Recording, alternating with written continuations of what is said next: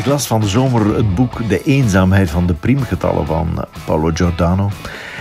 En daar zat zo'n prachtige passage in over die priemgetallen dat ik dacht, en dat had ik nooit durven vermoeden dat me dat zou overkomen, maar het gebeurde. Ik dacht, wiskunde kan verdomme schoon zijn.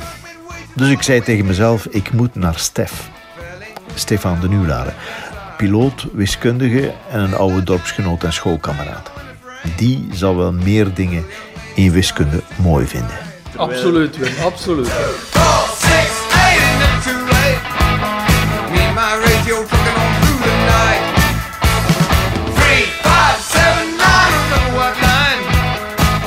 Ik ervaar wiskunde als iets heel moois. Ik begrijp ook zeker dat heel veel mensen die schoonheid niet zien. Wiskunde kan ook heel saai zijn en heel ontoegankelijk voor iemand die op een formule staat te kijken en niet uh, beseft waarover het gaat, is het absoluut uh, erger uh, dan Chinees. Hè? maar als je meegaat in een theorie en als je theorie begrijpt, kan het heel, heel mooi zijn. Er zijn soorten van schoonheid in de wiskunde, zegt Stef. Er is de schoonheid, de schoonheid van... het mooie meisje. Hè? Men ziet een mooi meisje en men zegt, ah, dat meisje is mooi. Of die jongen is mooi. En Stef toont me de Julia-set of de mandelbroodset op internet. Ik zie beelden die lijken op een psychedelische trip in de jaren 60. Allerlei structuren, geometrische structuren, sierlijke krullen die lijken op coronavirussen of zeepaardstaartjes. Je kan er echt wel minuten naar kijken. De Julia-set dus. Het heeft iets met een veld te maken, met, met gegevens op de verticale as en de horizontale as. Dat, ja, dat, dat, dat ken je wel. Hè.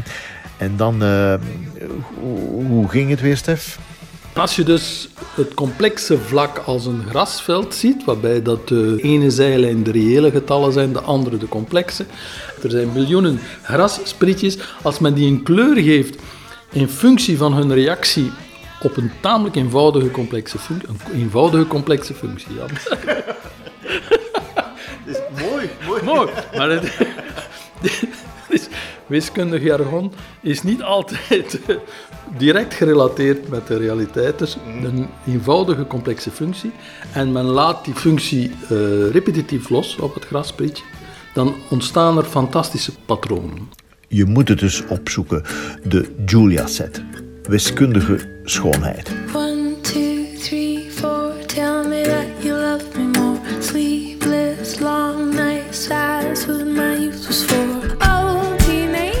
Wiskundige schoonheid of schoonheid gemaakt met wiskunde.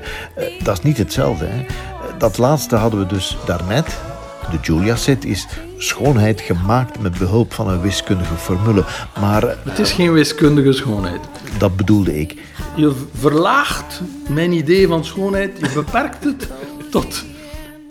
De wiskunde is een hulpmiddel om schoonheid te creëren. Nee, Wim, nee, nee, nee. De tweede vorm van schoonheid is de eenvoud en de rust die van een formule kan uitgaan. Wij kijken naar de natuur. Al eeuwen loopt de mens rond in de natuur en verbaast zich over van alles. Ik schop tegen een bal en die gaat een doel in. Ik lig onder een boom en er valt een, een appel. appel. Een appel, juist. Newton. Newton, inderdaad. Newton die heeft dus een aantal natuurlijke verschijnselen proberen te vatten in wat wij wiskundige formules noemen. Een van de meest gekende formules is F is m maal a. Als je een kracht op iets uitoefent en het heeft een massa, dan zal er een versnelling zijn. Dat is je voetbal en je voet, hè? Voetbal, voet, appel, boom. Ja. Naast die zeer eenvoudige formules heeft Newton ook enkele minder eenvoudige formules, maar toch voor de leek begrijpbare formules geschreven. We kunnen heel veel uitleggen, heel veel dat in onze wereld gebeurt, van natuurkundige fenomenen kunnen we uitleggen met Newton. In de jaren 60 zijn wij, wel, de Amerikanen, met Newton kijkend over onze schouder, zul ik maar zeggen, zijn we op de maan geland. Dus dit, vind ik, is toch het verschaffen van een zekere rust. We weten iets meer. Voor mij is dat een mooiheid. Ja, de schoonheid zit hem in de soms complexiteit van de natuur, die eigenlijk poepsimpel wordt als je er een formule kan op plakken. Inderdaad. Y en a un, deux, trop. C'est pas toi, c'est l'autre. De schoonheid die uitgaat van de rust van een formule. Stef heeft nog een sprekende anekdote. 20 maart 1967. Eh, ja. Het tweede studiejaar. Ik zit in het tweede studiejaar, jij zit in het eerste studiejaar. Jij zit bij meester Robert, ik zit bij meester Fernand. Maandagmorgen. Meester Fernand heeft weinig zin om met ons veel bezig te zijn, want, Wim, de zondag ervoor is Milan-Sanremo gewonnen. Milan-Sanremo 1967, gewonnen door ene Eddy Merckx. Ja. Dus meester Fernand heeft zin om zijn krant te lezen en ons gewoon in stilte te laten bezig zijn.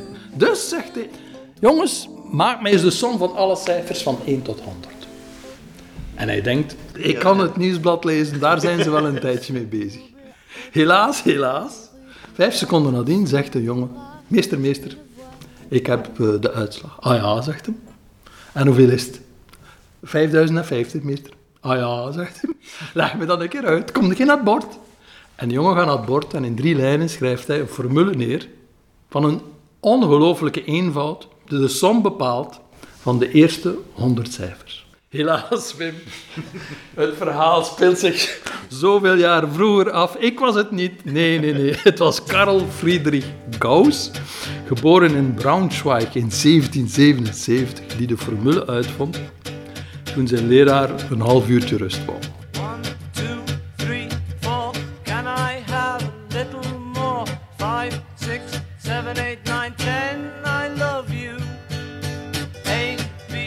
Ruim een half uur hebben we opgenomen over de schoonheid van wiskunde. Maar laat ik het toch maar eindigen met eh, waar het voor mij allemaal begon. De eenzaamheid van de priemgetallen. De roman, ja, maar ook de wiskundige schoonheid erachter. De inleiding op de priemgetallen skip ik en ik spoel meteen door naar heel bijzondere priemgetallen. Tussen die priemgetallen zijn er dan nog heel speciale. En die heel speciale zijn de tweelingpriemgetallen. Dat zijn priemgetallen die maar een cijfer 2 van elkaar verschillen. Dus het zijn getallen zoals 3 en 5, 5 en 7, 11 en 13. Twee priemgetallen die maar 2 van elkaar verschillen. En die komen heel frequent voor, eh, tussen 0 en 100. Eh, ik denk dat er een, eh, ik schat, een tiental zijn. Maar die worden zeldzamer en zeldzamer. Bijvoorbeeld tussen 700 en 800 zijn geen priemtweelingen te vinden. Tussen 900 en 1000 ook niet. En men weet eigenlijk niet, men weet niet, men zoekt er al eeuwen op, men weet niet waar het stopt, of het ooit stopt, of er een grootste priemtweeling eh, bestaat. Ja. Wat men wel weet, en dat is heel, heel verbazend, is dat er, als je elk priemtweeling omdraait, dus 5 en 7 worden 1 vijfde en 1 zevende, als je die getallen optelt, de totale som van al die priemtweelinggetallen is een getal. Een vast getal. En een getal dat, Wim, kleiner is dan 2. Oké. De schoonheid van dat laatste ontgaat me dan weer een beetje. Blijf zitten, Wim, blijf zitten. Het is wonder... Voor een wiskundige is dit wonderbaarlijk.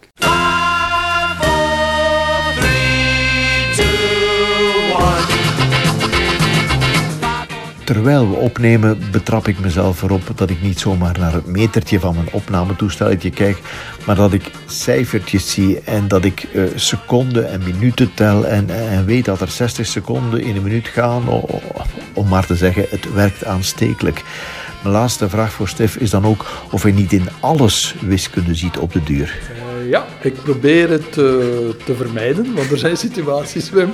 In het bakken van het eh, haakbroodje kan wiskunde van een zekere hulp zijn. Maar het inschatten van de liefde van uw geliefde, daar heeft niks met wiskunde te maken. Maar ik betrap mij er wel soms op dat ik eh, heel veel wiskunde om me heen zie. Ik kan bijvoorbeeld nooit eh, naar Parijs rijden zonder eh, mijn snelheid eh, te meten door het tellen van de kilometerpaaltjes, hoeveel er per minuut voorbij komen en zo'n dingen. Het is een afwijking, ik geef het toe. Dan moeten we er nu mee stoppen, denk